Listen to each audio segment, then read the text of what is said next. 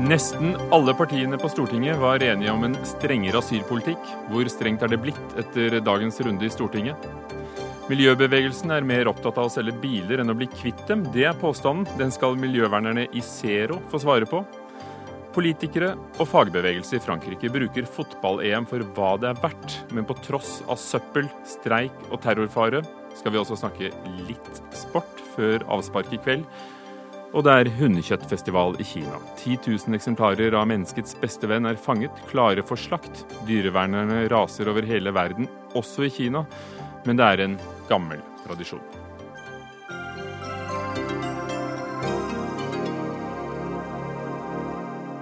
Velkommen til Dagsnytt 18 i NRK2 og NRK P2 med Ugo Fermariello i studio i dag. I dag har Stortinget stemt over innstramminger i asylpolitikken. Det blir lettere å nekte familiegjenforeninger. Flyktninger må klare seg selv før de får permanent opphold, og asylsøkere kan avvises på grensen i krisesituasjoner. De fleste av regjeringens forslag gikk gjennom, men fire forslag ble stemt ned etter omfattende politisk dragkamp.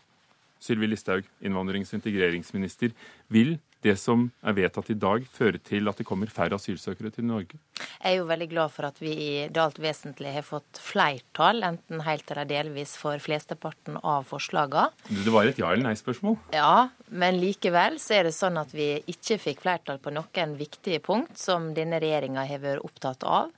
Vi syns nok at eh, Arbeiderpartiet burde være med på en strengere politikk når det gjaldt eh, familiegjenforening. Vi mener at det er fornuftig at de som skal hente familien sin til Norge, er integrert, at de har kommet seg i jobb, at de greier seg sjøl, og at de kan eh, betale alt dette skal det komme til. det. Mm. Tror du at de innstrammingene som er blitt vedtatt i dag, vil føre til at det kommer færre asylsøkere til Norge? Signalene ut vil nok være det at eh, Norge nå eh, vedtar den strengeste innvandringspolitikken som noensinne er vedtatt. Men det handler jo ikke bare om hva vi gjør her. Det handler også om hva som skjer ellers i verden. Og vi ser jo at presset mot Europa er veldig stort. Det er mange som ønsker seg til Europa for å få et bedre liv. Noen fordi at de flykter fra krig og konflikt, men også mange fordi de er, ønsker en bedre økonomisk framtid. Derfor så mente regjeringa og Fremskrittspartiet at eh, politikken som ble vedtatt i dag, burde vært enda strengere. Men vi har jo registrert at Arbeiderpartiet i løpet av dette halvåret har snudd. Fra å ønske en streng politikk, så Trond Giske sa jo når vi sendte dette her på høring at det var greit, det var en videreføring av politikken. eh, Til at man er gått fram og tilbake, og nå detter ned på at man ikke støtter viktige innstramminger. Men alt i alt, det er blitt betydelige innstramminger. Helga Pedersen, stortingsrepresentant og innvandringspolitisk talskvinne for Arbeiderpartiet. Har dere snudd? Nei, det har vi ikke. Eh, Arbeiderpartiet står for de lange linjene i eh, asylpolitikken. Eh, og det Stortinget gjør i dag, jo, eller har gjort i dag, er jo å vedta betydelige innstramminger i en asylpolitikk som allerede var streng. Arbeiderpartiet har gitt sin støtte til forslag som vi mener er fornuftig begrunna, som bidrar til å holde kontroll med grensene våre i en situasjon som er uoversiktlig i tida som kommer. Men vi støtter ikke forslag som ikke ikke har uh, sannsynliggjort effekt på tilstrømming av antall asylsøkere i Norge, men som vil ramme integreringa vesentlig. Vi kan ikke gjøre livene verre for dem som uansett skal bli. Hva er det som vil gi størst innstramminger av det som er vedtatt i dag? Jeg er jo veldig fornøyd med at eh, vi har fått eh, selvforsørgelseskrav for å få permanent opphold i Norge de siste tolv månedene. Det er veldig viktig. Vi har også fått vedtatt et 24-årskrav for å få eh, familieetablering, altså at du henter ektefelle i utlandet. Det er veldig viktig for å bekjempe tvangsekteskap. Så vi har fått mange viktige innstramminger i dag. Men jeg skulle jo ønske f.eks. når det gjaldt enslige mindreårige. Vi ser at presset mot Europa er veldig stort. Mange barn blir sendt til Europa for å bidra til å brødfø familien i hjemlandet. Og vi ser det at de blir sendt i hendene på menneskesmuglere. Jeg skulle ønske at vi kunne stramme inn ytterligere der, og følge den kursen som den rød-grønne regjeringa staka opp når de satt og styrte, gjennom å innføre midlertidig opphold for flere av disse barna som kommer hit, som ikke trenger beskyttelse, men som mangler omsorgspersoner i hjemlandet. Ville den asylkrisen som oppsto i fjor, vært unngått med dagens regelverk, tror du? At færre hadde kommet hit? Den ville vært et annet sted? Det er jo vanskelig å si, men det vi så var jo det at, eh, at i fjor vår så inviterte Arbeiderpartiet 10 000 gjennom sitt landsmøte. Man fikk et vedtak om 8000. Det kom folk syklende over Storskog-grensa som sa at vi er blitt invitert, her er vi, dere skulle ta imot 8000. At det var med å dra flere hit, det er jeg ganske sikker på. Og vi så også at den, ja, men det her, det Danmark Nei, jeg må få lov til å svare. Det her er, det her er veldig drøye og veldig useriøse eh, påstander. Eh, det Norge og resten av Europa eh, må være med på, det er jo at vi skal løse to problemer. For det første så må vi gi bedre beskyttelse til alle de menneskene som rømmer fra krigen i Syria og andre krigs- og konfliktområder, på en bedre måte enn det vi gjør i dag. Og for det andre så må vi raskt og effektivt gi avslag og returnere de menneskene som ønsker seg til Europa, men som ikke har krav på opphold her. Hadde alle land gjort som Norge og tatt imot flere kvoteflyktninger, eh, så hadde vi spart veldig mange menneskelige lidelser, og vi hadde gjort situasjonen håndterbar eh, for landene i eh, Europa. Og Jeg legger jo merke til at Sylvi Listhaug og regjeringa i etterkant har vært veldig glad for det initiativet Arbeiderpartiet tok med kvoteflyktninger, fordi at det bl.a. bidrar til at vi kan være med og oppfylle vår del av EU-avtalen med Tyrkia, sånn at man kan returnere asylsøkere til Tyrkia, mens vi da bosetter eh, kvoteflyktninger fra Tyrkia. Nettopp gjennom den avtalen som Arbeiderpartiet tok initiativ til eh, i fjor. Ja, Det bidro altså til å gi signal ut om at det var liberalisert i Norge. Og disse signalene er viktige, for det er et marked som er styrt av menneskesmuglere. De følger med på hva som skjer. Er ikke du også med på å gi disse signalene når du legger vekt på hva dere ikke fikk til? Og nå høres det ut som du gjør det mindre enn du har gjort i dagene opp mot debatten, men er du ikke redd for at når du legger vekt på det dere ikke får til, så, og ikke den innstramningen som, som faktisk skjer, så, så, er du med på det selv? Nei, for jeg er veldig tydelig på at vi aldri har hatt en strengere innvandringspolitikk i Norge enn det vi har eh, vedtatt i dag. Det er jeg veldig glad for, men vi skulle gjerne gått lenger. Men bare for å ta det med signal, for det at Danmark i fjor det var et land som fikk vesentlig lavere tilstrømning, altså økning i tilstrømninga, enn eh, spesielt Sverige, da, men også Norge. Eh, politiet fortalte at når det kom personer til de og skulle registrere seg, så var det flere som hadde med seg sånne små lapper der det sto 'How to avoid Denmark'. Hvordan unngå Danmark. Og hva var grunnen til det? Jo, fordi at Danmark er kjent som et veldig strengt land. Og det er bare ett uh, jeg skulle si, bevis på at det signalet har veldig mye å si her. Men jeg kommer til å snakke på inn- og utpust framover om at Norge er strengt. Vi har den strengeste politikken som vi noen gang har hatt. Helga Pedersen får snakke. Ja, tusen takk for det. Det er ikke sånn at asylsøkerne sjøl skal velge asylland. Derfor er det viktig det er at vi får de europeiske løsningene opp og gå igjen. Ja, Der har regjeringa et stort ansvar for å være pådriver for å få Dublin, Schengen og de andre europeiske løsningene til å fungere. Så... For dette har jo skjedd i Europa i fjor. Det så vi jo at Ja, eh, ja helt klart. Fordi at systemet har brutt sammen. Og takk og lov for at det har vært grensekontroller i våre eh, naboland. Det er ikke en varig løsning. Derfor må vi få Europa til å fungere igjen. Men så vil jeg bare si det med signaler. Ja, Det er jo åpenbart at signalpolitikken er viktig. Og her er det jo dilemmaer i forhold til eh, hvilken politikk, hvilke politikkendringer man skal gjøre, og hvilken signaleffekt det eh, gjør.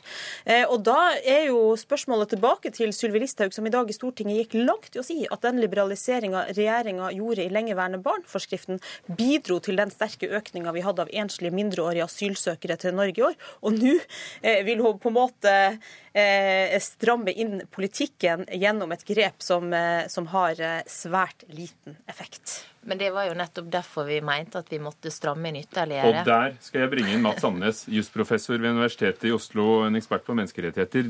Du har jo skrevet kronikker om og, og mener at flere av forslagene er problematiske ut fra internasjonale forpliktelser. Hvordan og hvordan er det det i forhold til det som er vedtatt i dag?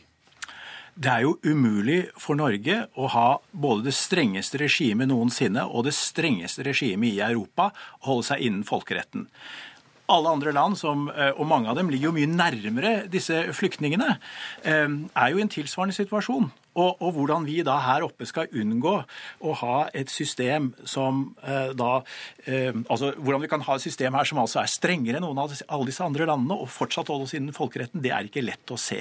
Og, ja, hvordan ligger vi an i forhold til, til nabolandene? Til nå, Danmark, som nå, har streng politikk? Nå, nå har vi jo da altså I denne eh, proposisjonen som ble fremlagt, så var det forslag som eh, statsråden sa skulle gjøre oss til det strengeste på punkt etter punkt. Det strengeste i Europa. Strengere enn våre eh, naboland. Og men Kan det, du vise at det bryter med de forpliktelsene vi har, og med menneskerettighetene? Ja, ja for så, så var det da eh, spørsmål om eh, Hvis du er eh, asylsøker og du har fått flyktningstatus i, i Norge, hvilke krav stilles for at du skal kunne kreve å få familien din hit, få lov til å få familien din hit? Og, og, og Der foreslo regjeringen eh, tre, tre, års arbeid, krav om tre års arbeid og et høyt eh, underholdskrav. Altså Du måtte ha en inntekt over en, en ganske høy grense uten at man da tok hensyn til om disse kravene var forholdsmessige. Og oppå hverandre, altså disse tre årene måtte du ha vært her, og så måtte du da ha denne høye inntekten. Vel, da sa UDIs eh, direktør f.eks. For at forslaget kunne føre til at foreldrene tar barna med seg på den farlige ferden over Middelhavet og, og, og, og videre. Og der sier menneskerettsforpliktelsene at man har et krav på familiegjenforening i den forstand at begrensningene ikke må være uforholdsmessige. Og, og, og, disse kravene, slik de da ble foreslått i proposisjonen, de var uforholdsmessige. Heldigvis har man nå endret dette da i, i Stortinget. Så det kommer jo da ikke igjennom. Eh, er det noe i de forskriftene og, og det som blir vedtatt i dag, som i seg selv bryter, eller blir det eventuelt hvordan det blir praktisert? Begge deler. Det er en rekke forslag som er meget restriktive, og som kommer inn i en slik grensesone. F.eks. dette med å avvise på, på grensen. Eh, at det har... åpnes for at man kan avvise på grensen hvis det oppstår en, en uh, krise, en situasjon er, med veldig mange. Så er det en asylsøker uten, uten, visum på grensen, så kan vedkommende bli, bli avvist uh, på grensen til en nordisk nabostat. Nå endret jo Stortinget også på de forslagene, men der står det igjen en kjerne som eh, ikke gir anledning til å oppfylle de folkerettslige forpliktelsene vi har. Tiden renner ut. Vi får ikke tatt alle punktene du har, og som du har skrevet om før, Mats Sandnes. Men Sylvi Listhaug, Frykter du at vi også kan eh, sette oss utover de forpliktelsene vi har, i forhold til hvordan vedtakene blir eh, iverksatt? Regjeringa ville jo aldri lagt fram noe som vi mente var i strid med de internasjonale forpliktelser. men noen mener det? Jo, men det vil alltid være mange som mener mye. Det er mange som ønsker en åpen dørs-politikk i Norge, som mener at vi skal gå langt ut av våre forpliktelser. Det er denne regjeringa sterkt uenig i. Vi mener at vi som politikere har et ansvar for å tenke langsiktig på vegne av landet, tenke på generasjonene som kommer etter oss, ha en bærekraftig politikk som kan sikre både velferdsmodellen vår og kan sikre velferdstjenester tjeneste og osv. Det er noe som vi må ta hensyn til, men som Mats Andenes og en del andre slipper å ta hensyn til. Nå har eh, Stortinget sørga for at vi har et lov- og regelverk som er tilpassa situasjonen. Nå påligger det regjeringa å gjennomføre lovendringene, eh, kommunisere dem på en fornuftig måte og selvfølgelig sikre at vi er innafor våre folkerettslige forpliktelser. Har du fått verktøy du kan bruke? Er det det, det, er ikke akkurat det du vil ha, men er det noe du kan bruke i din jobb for å nå de målene du akkurat uh, listet opp for oss? Jeg kommer til å kommunisere at Norge har en veldig streng innvandringspolitikk. Uh, det er helt klart viktig for å sende riktige signal til menneskesmuglere og andre. Vi ønsker å ha lavest mulig tilstrømning. Takk. Syvi Listhaug, statsråd Helga Pedersen fra Arbeiderpartiet og Mats Andenes, jusprofessor ved Universitetet i Oslo. Og inn kommer vår politiske kommentator her i NRK, Magnus Tatkvam. Hva er det de har fått til i dag? Regjeringen har jo, som dere har vært inne på, fått til en eh, pakke som i sum eh, gjør norsk asylpolitikk mer eh, restriktiv enn den har vært før. Eh, men på kanskje de eh, aller viktigste punktene for regjeringen, i hvert fall de mest kontroversielle, så har den ikke fått flertall. Og der har eh, forslagene blitt moderert av eh, en kombinasjon av Arbeiderpartiet og Senterpartiet, som da eh, Høyre og Frp har sluttet seg til subsidiært som det nest beste. Vi hørte her eh, Frp ved Listhaug beskylde Arbeiderpartiet for å ha snudd og, og, og, vingle. Og etter å ha hørt svaret, så er det kanskje vanskelig å sitte igjen med et klart svar. Hva mener du? Har Arbeiderpartiet gjort en endring i sin innvandringspolitikk? Ja, altså Før jeg svarer på det, så er det, er det verdt å minne om at det er kun Frp omtrent som ikke har problemer med innvandringssaken. Altså For Frp er eh, enhetlig. De er samlet om en streng og restriktiv innvandringspolitikk. På den andre fløyen kan, kan man kanskje si at SV og, og Venstre og, og, Miljøpartiet har den samme situasjonen. Men for Arbeiderpartiet er dette en sak fullt av dilemmaer, fordi de har velgere over hele skalaen. Eh, svaret på det du spurte om, er at hvis man ser på f.eks. det Trond Giske sa i romjulen da Sylvi Listhaug la fram disse forslagene, Eh, og sammenligner det med det de har gjort etterpå, ja, så er det en endring. For da skal vi si, prøvde han å bagatellisere forslagene og beskrive dem som eh, på en måte ikke overraskende og mer i tråd med det som har vært norsk politikk i lang tid. Det er klart, Etter min mening var det en tabbe av Arbeiderpartiet å si det, for det var åpenbart ikke bagatellmessige forslag som kom. Men så, så, dermed så har nok, eh, sammenlignet med det, Arbeiderpartiet lagt seg på en mer sentrumsorientert kurs eh, i, i, i, denne meldingen nå. Du hørte Listhaug nå, vi har hørt henne før. Hvordan kommuniserer hun eh, resultatet av, av forslaget? Jeg la i hvert fall merke til at i Stortinget i dag så eh, hun, sa hun mye oftere at ja, det var snakk om innstramming. Det var en uh, i sum innstrammende pakke, så vi har den strengeste innvandringspolitikken etter dette noen gang i Norge. Mens hun i mediene eh, inntil nå har skapt et inntrykk av at eller har kommunisert mer at Eh, beskyldt Arbeiderpartiet for å bidra til å vanne ut pakken til de grader at man liksom har gjort Norge til et eh, så attraktivt land at man kunne forvente en masseinnvandring omtrent. Slik at det eh, har hun prøvd å, å, moderere, og det gjorde hun i, i Stortinget i dag. Hvor lenge tror du denne politikken ligger fast? Når kommer det nye forslag eventuelt? Det er klart at det spennende og interessante er jo hva som skjer i, på migrasjonsfeltet i tida som kommer. Eh, og om regjeringen mener det er behov for ytterligere innstramminger om enslige mindreårige f.eks., som de antydet i dag. Eh, skjer det, så, så, vil dette absolutt kunne tilspisses enda mer eh, i tida som kommer. Takk. Magnus Takvam, politisk kommentator i NRK. Dagsnytt 18 alle hverdager kl 18.00 på NRK P2 og NRK2.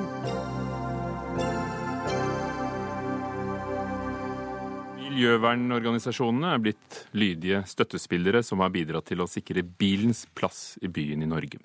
Det skriver journalist Ulrik Eriksen i Aftenposten fra en lengre artikkel som skal komme i Samtiden etter hvert. Han tar et oppgjør med miljøbevegelsen, som heller vil at uh, du skal kjøpe deg en ny elbil, fremfor å satse på kollektivtransport og apostlenes hester i bykjernen. Ulrik Eriksen, hvordan mener du at miljøbevegelsen svikter ikke bare fotgjengerne, men kanskje dermed hele miljøet? Ja, mitt utgangspunkt er å se på hvordan fotgjengerne er en, en, en lit, og, og, alle myke trafikanter i byene er en, en svak instans her. Mens bilbransjen er en veldig sterk instans. Og også i byene er det sånn. Og sånn, sånn som utviklingen har vært de siste årene, så har eh, elbilpolitikken gjort, ført til at eh, det å kjøre bil i by har blitt mer attraktivt. Eh, nå, og der har klimabevegelsen eh, vært Er det virkelig det? Med bompenger og færre parkeringsplasser og dyre parkeringsplasser og enveiskjøringer og rød sykkelfelt? Ja, det er da ikke bompenger på elbil ennå, så vidt jeg vet. Så eh, selvfølgelig, altså, Det er også noe med hva slags, eh, hva slags, signaler man gir til eh, bilismen. Altså, eh, De som kjøper seg en elbil i dag, de kan få en følelse av at de gjør eh, en, eh, byen en god tjeneste til meg når de kjører til og fra barnehagen midt i byen eller handler midt i byen med elbilen sin. Fordi det er gratis, fordi det legges til rette for det. Eh, og fordi eh, avgiftspolitikken er formet sånn som den er. Og for første gang på, på lenge så økte biltrafikken i Oslo eh, med 2% og Marius Holm, en av dem som lenge har kjempet for flere elbiler på veiene, det, det er jo deg og din organisasjon, miljøorganisasjonen Zero. Er det i lomma på bilprodusentene?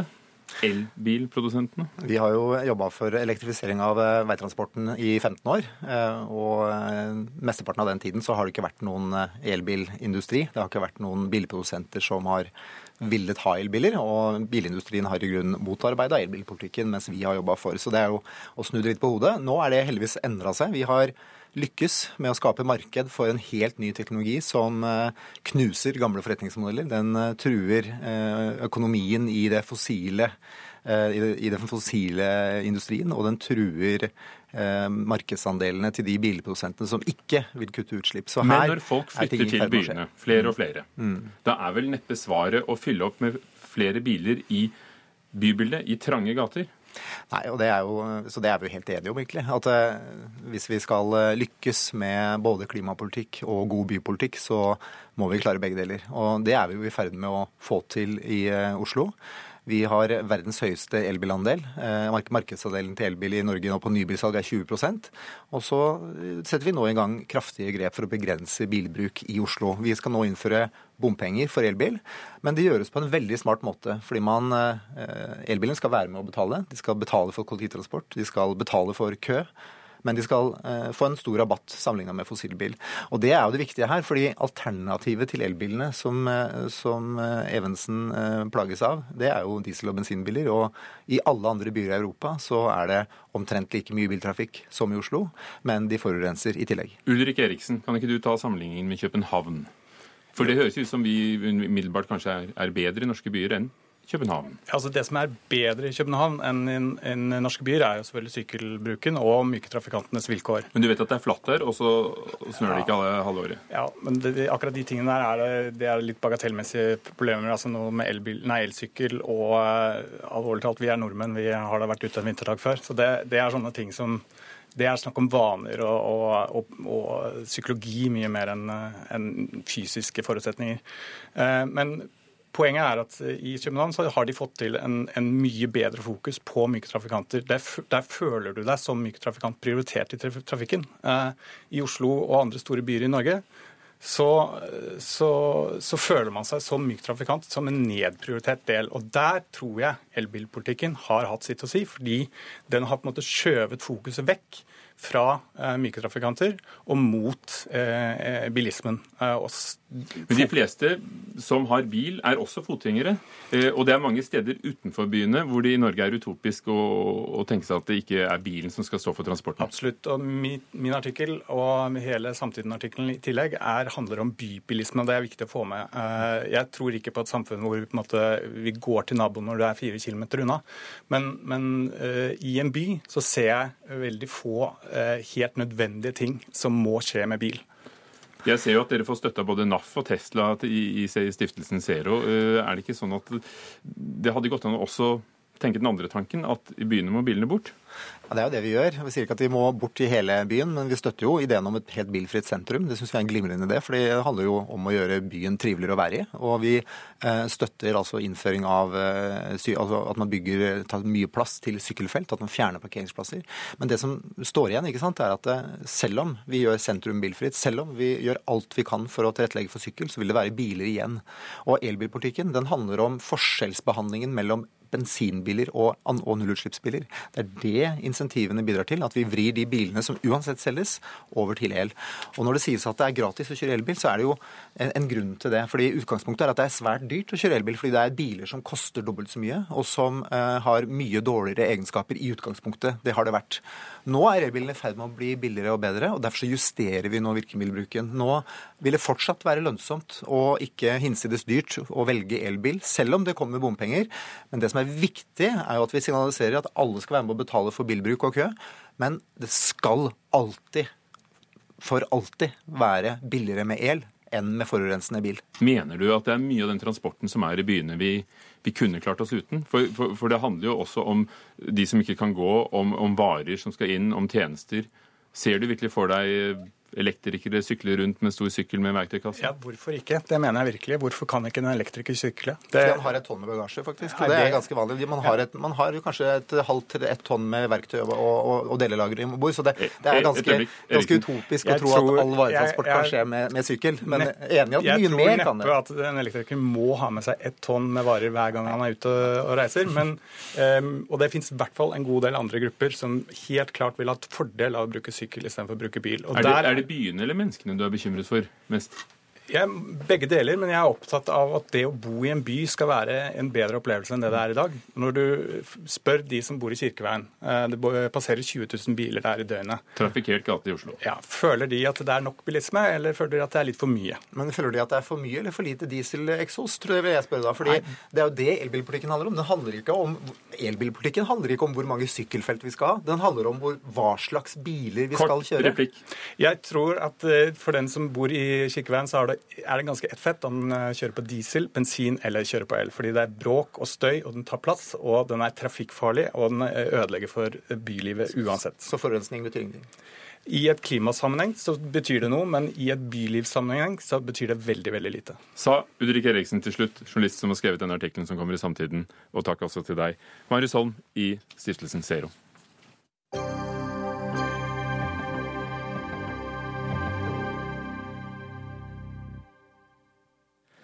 Om kort tid blåser dommerne i gang det første avsparket under fotball-EM i Paris. Samtidig er det advart mot terrorfare, streiker og uro i Paris' gater. Og vi, vi skal etter hvert eh, til Paris. Men eh, aller først, Mina Finstad Berg, du er fotballblogger og sitter også i SVs eh, sentralstyre.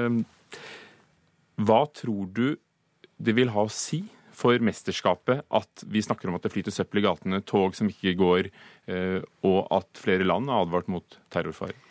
Det er jo ikke noe drømmescenario for de franske arrangørene på noen som helst måte. Eh, og Noen har jo også kalt det, det EM her for mesterskapet Frankrike skulle ønske de slapp å arrangere. Eh, nettopp pga. at man har konflikter, men også pga.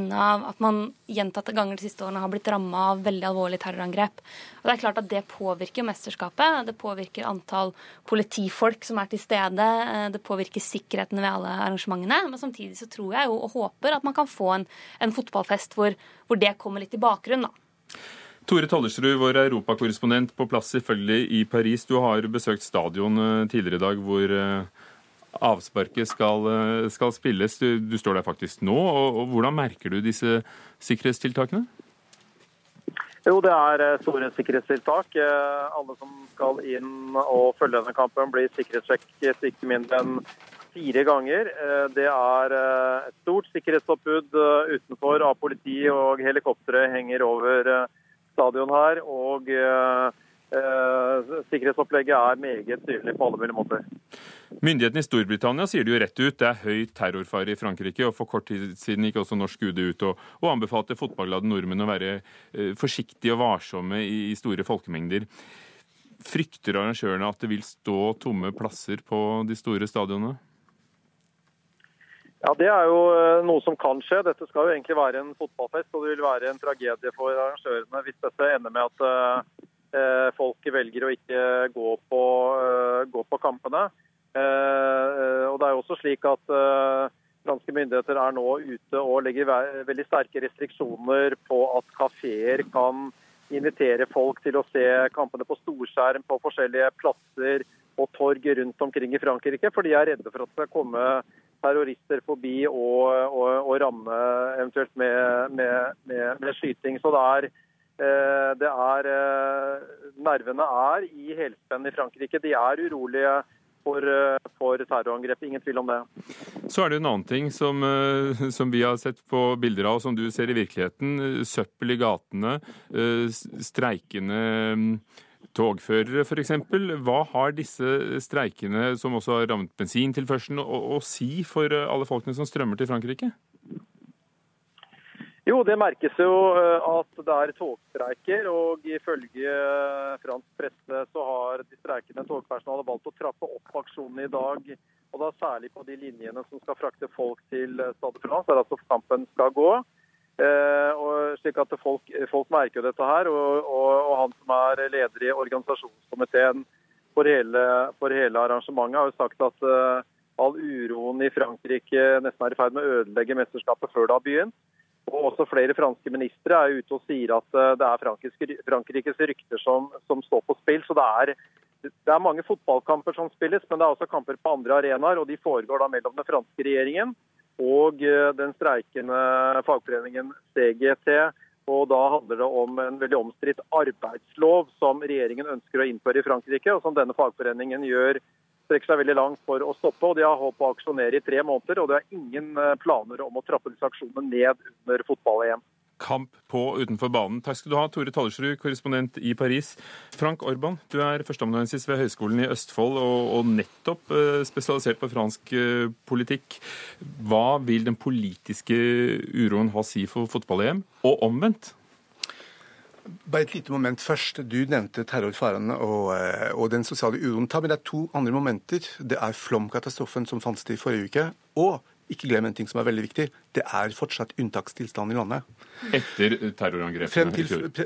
Så, så, langt frem til 26. juli. Dvs. Si etter både EM og Tour de France.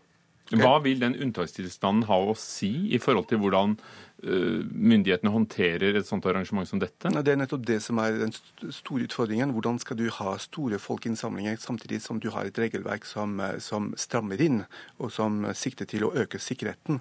Det er en selvmotsigelse i seg selv, ikke sant? Altså den, den, de, de, to, de, to, dimensjonene. Så det er en kjempeutfordring. Du har en firkant med, med sosial uro, terrorsfære, flomkatastrofe og, og, og, unntakstilstand. Og likevel så mener jeg at dette er det beste tidspunktet for å ha EM, fordi at landet er rammet av en slags kollektiv depresjonstilstand og trenger faktisk å tenke på noe annet enn en, en, enten sosial uro eller terrorfare. Så jeg håper at ingenting skjer.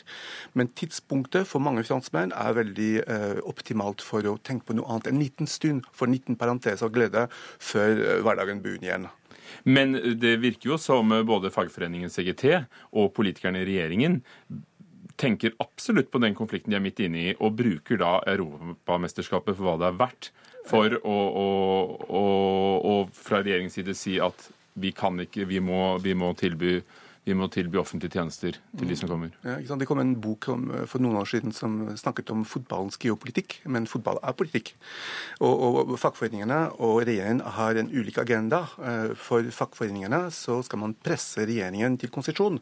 Det beste hadde vært for dem om hele arbeidsloven trekkes tilbake. Eh, avvikles. Mens for regjeringen så er det det å kunne fremstille eh, fagforeningene som eh, de som hindrer på en måte at konkurransen gjennomfører på tilfredsstillende vis, det, det, legger press på fagforeninger. Men, men, men, den loven der, altså Lovforslaget ble jo, ble jo lagt fram i nasjonalforsamlingen 3.6, sendt videre til Senatet. Så, så det, er en, det, er en, prosess. Om det er men, men, men vil dette spille en rolle, tror du? Det vil ha avgjørende betydning for regjeringens evne til å kunne, kunne få fram den. Den loven er jo like viktig som, som loven i Tyskland på 2000-tallet, hvor det var snakk om å reformere hele arbeidsmarkedet. Så for den prestige spørsmål for regjeringen, får man gjennom den loven, så har man fått til noe som gir et grunnlag for gjen, altså gjenvalg for Francois Hollande neste år. Mina Finstad Berg, du er både politiker selv i SV, som jeg nevnte, og lidenskapelig fotballentusiast. Mm. Er fotball politikk også? Det blir ofte det. Altså, fotball er jo en av verdens største idretter. Den påvirker veldig mange menneskers liv på ulike måter. Og fotballen foregår jo ikke i et vakuum. Det blir ofte sagt at man skal ikke blande fotball og politikk, men fotball eh, skjer jo i, har jo også sosiale og politiske dimensjoner, fordi det skjer i en kultur, i et samfunn. Så ofte så vil fotballen påvirkes også av politiske debatter som går, av det klimaet som finnes rundt. ikke sant? Når man f.eks. har rasisme eller homofobi på, på tribunene, når du har rivalisering mellom lag som styrkes av politiske undertoner, som man har hatt i Spania, på Balkan. Eh, men der kan man også si at, at, det franske landslaget er jo på mange måter et også veldig flott symbol eh, for, for, franskmenn. Altså, de er jo litt symboler på alt det både, høy, både høyreekstremister og ekstreme terrorister hater. ikke sant? De er jo symboler på at fargerikt fellesskap funker. På at du kan ha mennesker med veldig ulik bakgrunn, ulik religion, ulik hudfarge, som kan fungere sammen som et kollektiv. Og det tror jeg kan være veldig flott for den franske befolkninga, men også for resten av Europa å se. Historisk sett har jo det franske Eh, landslaget og fotballen, fotballen vært et sted hvor nettopp eh, rasisme er blitt bekjempet? Ja, vi, vi, snakket om det forleden. Hvis man skal snakke om eh, en sosial, type sosial heis for uh, unge gutter i, som kommer fra drabantbyene, så er det klart at uh, det, er, det, det, har vært et miljø hvor man har fått mulighet til å utfolde seg på en måte som ellers ikke hadde vært mulig. Så, så landslaget har jo alltid vært betraktet som et lite laboratorium egentlig for, for, for unge gutter fra drabantbyer som kunne, fra forstendet, som fikk mulighet til å oppleve noe, noe, større og noe stort. Og det har ført til problemer til tider med, med spillerne. I dag skal Frankrike spille mot Romania klokken ni i kveld. De to siste gangene Frankrike har arrangert store mesterskap, så har de selv vunnet. Hvordan går det nå med, med landslaget deres? Eh, jeg tror Frankrike har gode sjanser til å ta seg til en finale. De har et sterkt mannskap, og tross at det har vært igjen mye skandaler. De mista jo en av sine største stjerner fordi han hadde vært med på utpressing av en lagkamerat. Og en annen av sine virkelig gode forsvarsspillere nylig tatt for doping. Eh, så det er som vanlig mye skandaler rundt det franske landslaget, men det mannskapet de har, og som vi kommer til å få se i kveld, er et veldig godt fotballag. Og jeg tror de kan nå finalen også i år. Hva tror du? Frankrike eller Romania, hvem vinner? Frankrike 1-0. Fordi? Fordi jeg føler det. Nei, men de kan Det, det, altså, det, det er en belast... Altså, det, er en, det er så mye forventninger som knyttes til det laget og til det de kan få til under, under mesterskapet. Så de vil føle et ekstra press på å gjøre det veldig godt. Eh, og, og, og, når man snakker med folk, så, så er det omtrent det eneste man hopper på om dagen. Det er det eneste positivt. Og dette franske landslaget er jo også det landslaget som var inne på stadion da bombene smalt utafor. Mm. Eh, som følte da et voldsomt fellesskap fra hele den franske befolkninga, som støtta dem da de spilte vennskapskamp senere mot England. Og jeg tror at de opplever en enorm støtte i befolkninga, mm. og det vil være bra i mesterskapet. Takk skal dere ha, Mine Finstad Berg, fotballblogger og SV-politiker, og Frank Orban ved Høgskolen i Østfold.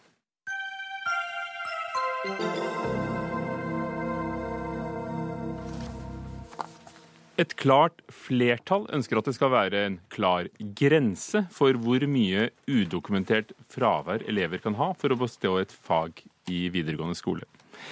Hele 63,2% av befolkningen støtter en slik grense, mens bare 24,8% er imot. Altså 63% på den ene siden, 25 på den andre, ifølge en undersøkelse som Høyre har bestilt fra byrået Infact. Kent eh, Gudmundsen, stortingsrepresentant og skolepolitisk talsmann for Høyre. Vi vet jo at du, dere støtter eh, forslaget om en fraværsgrense i videregående skole. Dere vil ha den på 10% Det ser ikke ut til at det blir sånn. Men, men hva viser denne undersøkelsen som dere har fått laget? Jeg syns den er veldig gledelig, for den viser jo at vi har eh, hatt sterk støtte i befolkninga eh, over lang tid. Eh, I tillegg til at lærerne og skolene og næringslivet også støtter en sånn fraværsregel. Så dette lover godt for den videre prosessen når vi skal finne en god modell for fremtida. Lanserer dere dette nå fordi det ikke er helt avgjort? Det skal opp i Stortinget på, på, på, neste tirsdag. Så du tenker at dere kan påvirke noen til å gi en strammere fraværsgrense enn, enn det det ser ut til? Nei, den var bestilt før vi uh, visste resultatet i Stortinget. Jeg spurte ikke om dere bestilte den, men om dere lanserte den nå? Ja, det er klart. Vi har jo bestilt en uh, spørreundersøkelse som uh, bekrefter det vi trodde, nemlig at vi har sterk støtte i befolkninga. Da er det jo greit at alle får vite om det. Tror du du får påvirket resultatet i tirsdag? Eh, jeg tror at eh, det resultatet er ganske gitt, fordi vi har jo diskutert den godt i utdanningskomiteen nå. Eh, og Der vil statsråden få en klar backing fra Stortinget om å gå inn i dialog med sektoren for å få på plass en fraværsgrense. Kristoffer Hansen, leder i Elevorganisasjonen. Er dere da helt i utakt med massen dere representerer, når, når denne Undersøkelsen viser altså også i, yngre alderstrinn, i de yngre, yngste gruppene, så er det halvparten som støtter fraværsgrense. Altså, jeg representerer norske elever. Eh, norske elever er mange mange hundre tusen, og de er ikke blitt spurt her.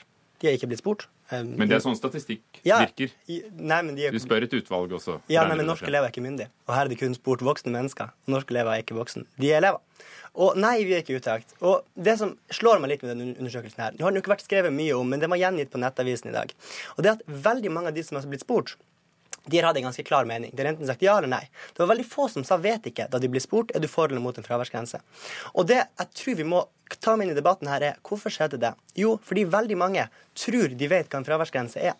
Fordi debatten det har vært, Fraværsgrensa har vi diskutert nå i Dagsnytt 18 to ganger den siste uka. Og den har vært veldig, mange har snakka om fraværsgrensa. Men den fraværsgrensa som regjeringa har forsøkt å innføre, den er det ingen som, som har opplevd på kroppen før. Fordi når, folk, når du ringer hjem til folk i undersøkelsen her og spør er du for eller mot en fraværsgrense, så tenker veldig mange det var en fraværsgrense da jeg gikk på skolen før. Men det var det ikke. Det vet jo du. Den, den grensa som dere har forsøkt å innføre her, den har aldri vært før. Fordi det man kalte fraværsgrense i gamle dager kalte vi skulk? Nei, man kalte, det man kalte fraværsgrense, det var noe læreren sa til elevene. ikke sant? Vi har en grense på fravær her. Men det de har prøvd å gjort, det er å lage en sentralt gitt regel over hele landet. Og det har aldri vært gjort før.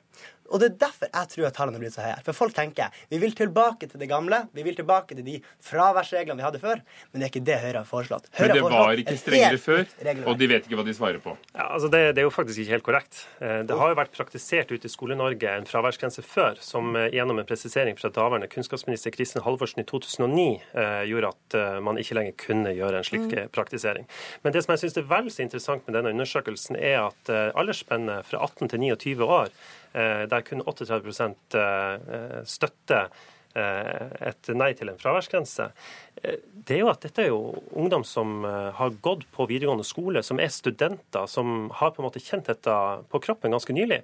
Og, og likevel der greier ikke altså, man å finne støtte for et nei til en fraværsgrense. Skal vi holde an litt, litt og få først din versjon på hva fraværsgrense er og innebærer, og for hvem?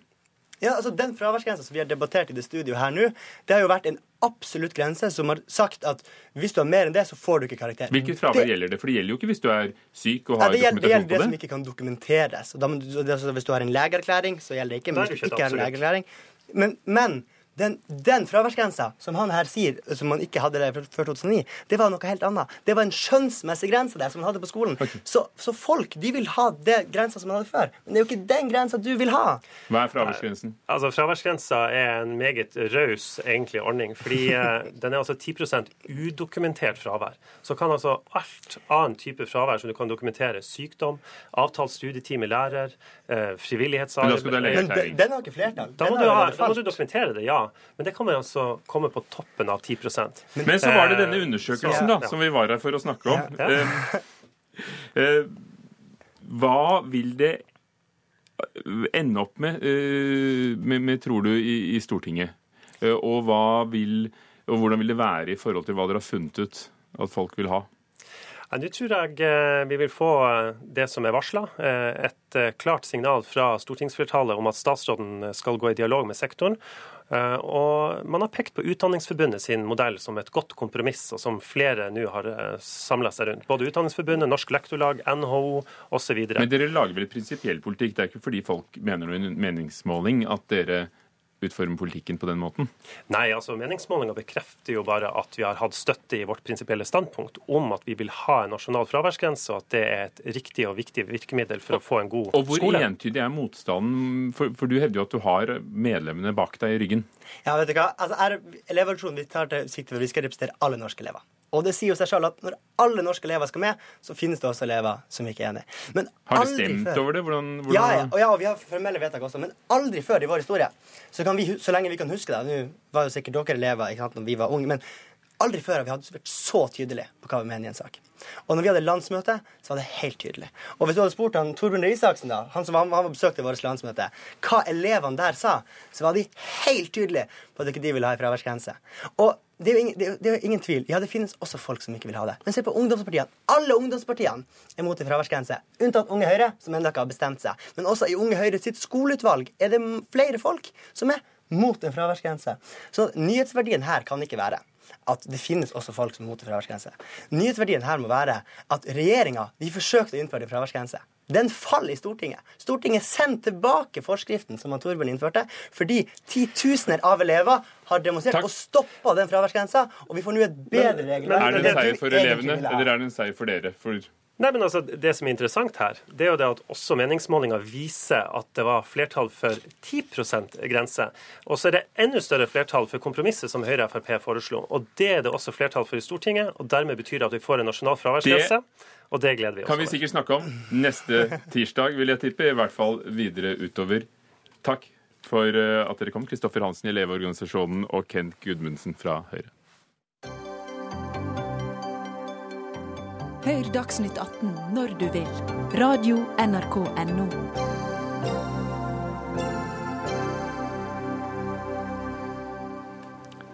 Stortinget fikk feil informasjon om nordmenns holdning til ulv før de folkevalgte mandag denne uken vedtok en ulvemelding som mange mener vil føre til forverrede kår for ulven.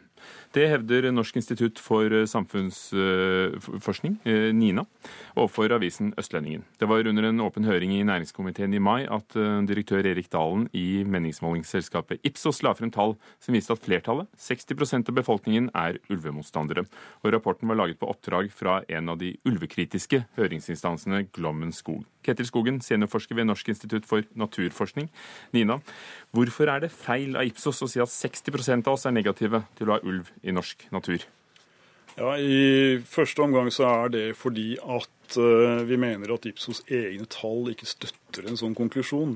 Uh, det er jo ett spørsmål særlig som handler om hvorvidt man syns at uh, antall ulv i sitt eget nærområde er passe eller ikke, om det er for stort eller for lite, som har fått aller mest oppmerksomhet her. Både fra Erik Dalen fra Ipsos, og ikke minst fra de politikerne som ønsker bestemte svar her. Men i tillegg til det Altså, altså Jeg er uenig i tolkningen av det spørsmålet og svaren på det. Men i tillegg til det så vil jeg framheve at det er veldig mange andre funn, klare tall, i Ipsos sin rapport som er ganske aktivt underkommunisert, for å si det sånn, men som gir et helt annet bilde. Vi stiller ikke spørsmålstegn ved de tallene, men vi forundrer oss over at de ikke er eh, brakt tydeligere fram for offentligheten og for Stortinget. Mandag denne uken også så vedtok Stortinget denne ulvemeldingen. Den gir litt mindre sone hvor ulven kan eh, ferdes. Og så viderefører den et mål om en bestand på fire til seks ynglinger, med minst tre helnorske ynglinger. Eh, ble Stortinget feilinformert før de tok denne avgjørelsen, mener du? Eh, jeg mener at den hovedkonklusjonen som Ipsos ved direktør Erik Dalen hva skal vi si, framførte under den uh, høringen, og som han for så vidt også har uh, brakt til torgs flere andre ganger i ulike medier, uh, gir et galt bilde. Om det Feilinformasjon høres jo litt sterkt ut, men det gir et galt bilde av den norske befolkningens holdninger til ulv. Erik Dalen, direktør i Ipsos, meningsmålingsselskapet. Hva er det som ikke er galt ved, ved, ved det dere sier? Altså, du hører jo innvendingene. Jeg hører innvendingene, og jeg har lyst til å si litt om bakgrunnen for at jeg har havnet inn i denne diskusjonen i det hele tatt. Det er ikke fordi jeg har noen spesiell interesse for ulv eller noe kunnskap om ulveforvaltningen i Norge. Du er statistiker. Fordi jeg er meningsmåler, rett og slett. Eh, jeg hadde målt holdninger til ulv i en årrekke før jeg i det hele tatt ble klar over at Nina hadde gjort det. Også før den første undersøkelsen som Nina refererer til. Slik at helt uavhengig av Nina, og uavhengig av den oppdragsgiver jeg har hatt nå i de, de siste årene, hadde formulert mine spørsmål slik jeg syntes det var riktig, og konkludert i de undersøkelsene om at det var utbredt skepsis til ulv i den norske befolkning. Så kommer Nina opp i forbindelse med en diskusjon om dette i 2011, var det vel, eh, med en undersøkelse de har gjort i 2010, hvor de konkluderer stikk motsatt. Og da eh, får jeg spørsmål fra folk som kjenner meg. Hvordan kan det ha seg at kloke mennesker i NINA konkluderer med at folk er positive, mens kloke mennesker i Ipsos konkluderer med at folk er negative? Ja, så Fortell oss det. Vi forutsetter at dere begge er kloke mennesker. Og, og hvordan kom du til at eh, folk flest er negative? Jeg tror at den eh, hovedårsaken til at våre tall er forskjellige fra de som Nina legger vekt på, er at vi i de spørsmålene har spurt om forskjellige ting. Nina legger vekt på holdninger til ulv i Norge. Eh, jeg har gjort målinger som legger vekt på holdninger til ulv i området der man bor. Og det er etter min mening, og dette er jo en del av min daglige jobb hele tiden å vurdere, det er min mening at man spør om to helt forskjellige ting. Og så konkluderer jeg med at folk flest er, eller flere er negative enn positive til å ha ulv der de bor. Så stusser jeg i tillegg, når jeg finner i Ninas undersøkelse, som jeg heller ikke vil kritisere slik, og ikke har gjort det i de fem-seks årene vi har drevet og eh, kjeklet, eh, så eh, finner jeg da et annet spørsmål som spør om nettopp det jeg sier, og hvor vi får faktisk resultater som ligner svært på de jeg selv har frembrakt. Og da mener jeg i hvert fall, i beste fall, da, at det undergraver konklusjonen om at nordmenn flest er positive til ulv.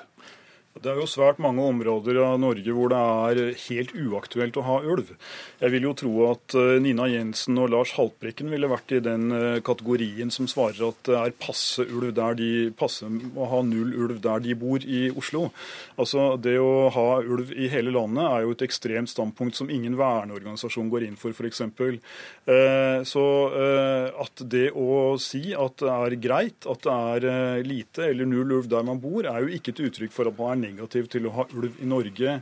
Eh, hvis Dalen eh, eller hans oppdragsgivere eller politikere på Stortinget mener at de som ikke er villige til eller syns det er passende, hensiktsmessig å ha ulv i nærheten av der de selv bor, ikke er meningsberettiget, eller at deres oppfatninger om ulven i Norge er uinteressante, så er jo det et eh, hva skal vi si, nokså oppsiktsvekkende standpunkt. Men det har i hvert fall Så de har tolket det feil? Ja, altså de, det utlegges jo som om, som om det å ikke, ikke uten videre godta at ens eget nabolag er egnet for ulv, Eh, at det er det samme som at man er negativ til å ha ulv eh, i Norge. Sånn er det blitt utlagt. Erik Dalen har ikke benektet at det er en rimelig tolkning. De politikerne på Stortinget som gjerne ville ha disse svarene, tolker det i hvert fall sånn og bruker det for alt det er verdt. Men jeg synes det er veldig viktig å få fram at i Dalens egen undersøkelse så har han ved hjelp av veldig robuste metoder, som vi ikke har noen innvendinger mot, kommet fram til en rekke tall som er, eh, peker i en helt annen retning, i hvert fall. F.eks. at 37 av befolkningen svarer at de gjerne vil ha ulv i hele landet. Det er jo også et, et, det er jo, som jeg sa, et ekstremt standpunkt som ingen eh, ytterliggående verneorganisasjon går inn for. Men 37% av befolkningen svarer altså det. Et lignende antall svarer at de syns at ulvebestanden bør få utvikle seg fritt. Ok, uh, la, oss, uh, la oss, høre. Altså, det er ikke selve undersøkelsen, men konklusjonene ja. som blir kritisert. Ja, og, jeg... og, at noen av, av funnene ikke blir kommunisert. Altså Både i NINAs undersøkelse og i vår undersøkelse er det stilt en rekke spørsmål om holdninger til ulv fra en rekke eh, forskjellige synsvinkler. Og det viser, som vi meningsmålere er vant til, og som også forskere som bruker surveydata også vet, at det er store nyanser og store variasjoner i syn, avhengig av hva man spør om. Men som jeg innledet med å si, min hovedreaksjon skyldtes konklusjonen til Nina, eller i hvert fall det som kom frem gjennom mediene, at det var et stort flertall som var positive til ulv i befolkningen den går jeg ikke god for. For Ninas egen undersøkelse viser at forholdet, eller holdningsmønsteret, er langt mer nyansert enn dette. Det er veldig nyansert. Eh, det er også sånn at eh, ulike befolkningsgrupper har eh, gjennomgående svært ulike syn på dette. Men vi vet jo at det er store forskjeller mellom urbane områder og mer urban, altså byområder og, og på landsbygda f.eks. Mellom aldersgrupper, ikke minst. Folk kan være positive til ulv i Norge selv om de ikke vil ha det i en bypark? I Nygårdsparken i Bergen? Ja, det vil jeg da absolutt absolutt si. Altså, og det er jo et stort flertall av Norges befolkning, Norges befolkning bor i områder hvor det er lite aktuelt ha ulv. Når du har kritisert også uh, indirekte av Stortinget og komiteen, næringskomiteen for å legge vekt på de konklusjonene som din sidemann kom med. Hvorfor var ikke dere på den høringen? Det var ingen som inviterte oss. Altså, Vi syns ikke det er naturlig at et forskningsinstitutt inviterer seg selv til en komitéhøring. Eh, så vi var ikke der, nei. Vi var heller ikke i miljøkomiteens høring av samme grunn. Dere har debattert i fem år. Vil dere bli enige noen gang om dette? Altså vi, Første gang vi diskuterte dette, så var vi enige om at i hovedtrekk så er det ikke så stor forskjell eh, mellom de tallene vi har på hver vår side, hvis vi ser dette under ett. Men konklusjonen om at et stort flertall er, til, er positive til ulv, det finner, ikke, finner ikke jeg noe grunnlag for, heller ikke i Ninas måling. Men jeg finner også det i Dalens egen måling, og jeg vil oppfordre alle til å laste ned den rapporten, Takk som er gått fra er lett tilgjengelig på Ipsos uh, hjemmesider. To. Erik Dalen, direktør i Ipsos, og Ketil Skogen, seniorforsker ved Norsk institutt for naturforskning.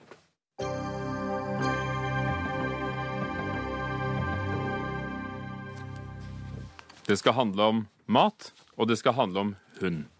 Vi skal til en eh, ganske forhatt hundekjøttfestival som finner sted i eh, Kina. I den eh, sørkinesiske byen Yujin har innbyggerne fanget nå 10 000 løshunder. Det blir i hvert fall påstått at det er løshunder. De blir slaktet og skal spises under festivalen som varer i en ukes tid. Både dyrevernere og hundeeiere i store deler av verden, også i Kina, har i mange år protestert mot den eh, kinesiske tradisjonen. Eh, og vi skal høre på de kinesiske reaksjonene. I dag forsøkte kinesiske dyrevernere her i Beijing å vise sin avsky med hundematfestivalen. Det var ikke bare lett i en sverm av politifolk med og uten uniform som filmet hver bevegelse. Sa Asia-korrespondent Peter Svaar, som har vært på stedet. Live Kleveland eh, i Dyrevernalliansen. Det kan ikke være enkelt å være dyrevernaksjonist i, i, i Kina? Nei, det er eh, ikke enkelt. Eh, Dyrevernalliansen har kontakt med grupper og enkeltpersoner som arbeider for å hjelpe dyr i Kina. Eh, og de arbeider med en rekke forskjellige saker, alt fra denne hundekjøttfestivalen og lignende ting, til zoologiske hager, pelsdyroppdrett og dyreforsøk. Eh, og de, eh, de, sliter, eh, men de vinner også i økende grad frem, fordi den kinesiske voksne middelklassen er påvirkelig til å, å styrke dyrevelferden. De vil heller ha hunder som skjødehunder enn som mat. Det er blitt mer og mer populært å, å, ha kjæledyr også i Kina. Og vi ser at middelklassen påvirkes av vestlige verdier her også, på, på både godt og vondt. Er det dyreholdet og behandlingen av dyrene de reagerer på, eller er det det at man spiser hund? Eh, det og dette skjer jo ikke bare i Kina, i Vietnam også f.eks. Det folk reagerer mest på med hundekjøttfestivalen eh, og, og, lignende eh, festivaler, er jo måten dyrene blir behandlet på. Eh, for dette dreier seg om eh, nokså ekstrem dyremishandling, hvor man har sett dokumentert at hunder og katter flås levende. De kokes levende i vann, de brennes levende. Eh, de stues sammen i knøttsmå bur eh, og transporteres på groteske måter. Så dette er veldig, veldig grov dyremishandling. Harald Bøckmann, kjent sinolog, oversetter av mye kinesisk litteratur til norsk, og, og nå forsker ved Senter for utvikling og miljø ved Universitetet i Oslo. Hvilken plass har hunden i Kina? Den har hatt en sentral plass eh, helt fra tidlig. I de tidligste arkeologiske gravene fra 5000-6000 år så finner du svin og hund. Så det var de første som ble eh, temmet, kan du si. Og så har den vært brukt som rituell mat opp gjennom eh, årtusenene. Ja, for du finner jo også hund eh, i romerske innskrifter, ja. men ikke som mat. Ja, nei, men det er altså det, Kina kan du si du har både rikdom og fattigdom. Og da blir det mye, kan du si eh, Man improviserer, og hunden har hele tiden hatt en viktig posisjon. Og, og den, eh, den, har også da vært kan du si, dagligfødde, men særlig i nyere historie, mest i Sør-Kina, inn i Vietnam, men også i nordøst og inn i Korea. Så man spiser relativt sett mer den dag i dag mer eh, hundekjøtt i Vietnam og Korea enn i Kina. Det er jo sterk kost for oss å høre om behandlingen, og, og, og det er uvant. Men eh, er det vanlig kost? Som ja, ja, mat? Altså, ja, ja, ja. Det, I Sør-Kina er det. Men altså, i Sør-Kina så spiser de jo nesten alt. altså Nordkinesere sier at i Sør-Kina spiser de alt på fire bein unntatt bord og stoler. Så eh, det sier litt om, om, rikdommen, men også at man eh, har vært eh, kan si, oppfinnsom. Men, men, det er blitt en kan si, det er, Som du ble nevnt her, så er det blitt Det er ikke noe kulturfestival. Dette er en ny oppfinnelse. Det er, det er spekulasjoner rundt det. Men samtidig er det i et minoritetsområde der hvor det bor thaifolk, så kanskje også myndighetene er litt tilbakeholdne med å liksom slå ned på det blir vi ekstra følsomme fordi vi har et helt annet kulturelt forhold til hunden. For om det er hund, ku eller kanin, altså Det spiller jo ingen rolle. Alle disse dyrene har jo akkurat den samme muligheten til å føle smerte og lidelse. Eh, og Dyrevernalliansen arbeider jo for dyrene som trenger det aller mest, enten det er hunder eller eh, kuer eller kaniner. Så dere har ikke noe imot at hund spises? Dere har imot at hun slaktes årsaken og behandles dårlig? Årsaken til at Dyrevernalliansen engasjerer seg her, er måten dyrene blir behandlet på. Eh, så syns vi også det er fint at eh, dyr i noen kulturer er vernet mot menneskenes eh, utnyttelse, f.eks. For i form av, av, det å bli til mat. Men her skal vi nok ikke sitte på vår høye hest i Norge. Vi behandler også dyr på grusomme måter i mange sammenhenger, f.eks. i intensivt landbruk, selv om det ikke er de samme åpenbare groteske handlingene. Og vi går tilbake til Kina. Mm. Er det en forandring på gang, tror du, Harald Bøckmann, med den nye middelklassen som kanskje ser til Vesten? Absolutt. Som jeg sa, så går øh, konsumet ned. Er det, er det godt? Du har smakt det? Ja, jeg har spist det for mange år siden i Sør-Kina, men det var liksom bare for å ha smakt det. Men jeg har jo ikke noen sånn øh, minne om det. Hva sier man da om det? Nei, jeg husker ikke. Jeg kan ikke gjengi det. Men det er sikkert like greit. Det er bedre enn apehjerner eller frosker eller hva man også måtte våge seg på. Så, eller sirisser og alt mulig. Så dette Dette er jo eh, noe som er i ferd med å endre seg. Og særlig den nye middelklassen. Den er ganske viktig i den henseende. Vi må si takk til dere begge. Til Harald Bøckmann, forsker ved Universitetet i Oslo, og Live Kleveland ved Dyrevernalliansen. Dagsnytt 18 er over. Ida Tune Øresland var produsent. Erik Sandbråten teknisk ansvarlig. Ugo Fermariello programleder. Takk for i dag.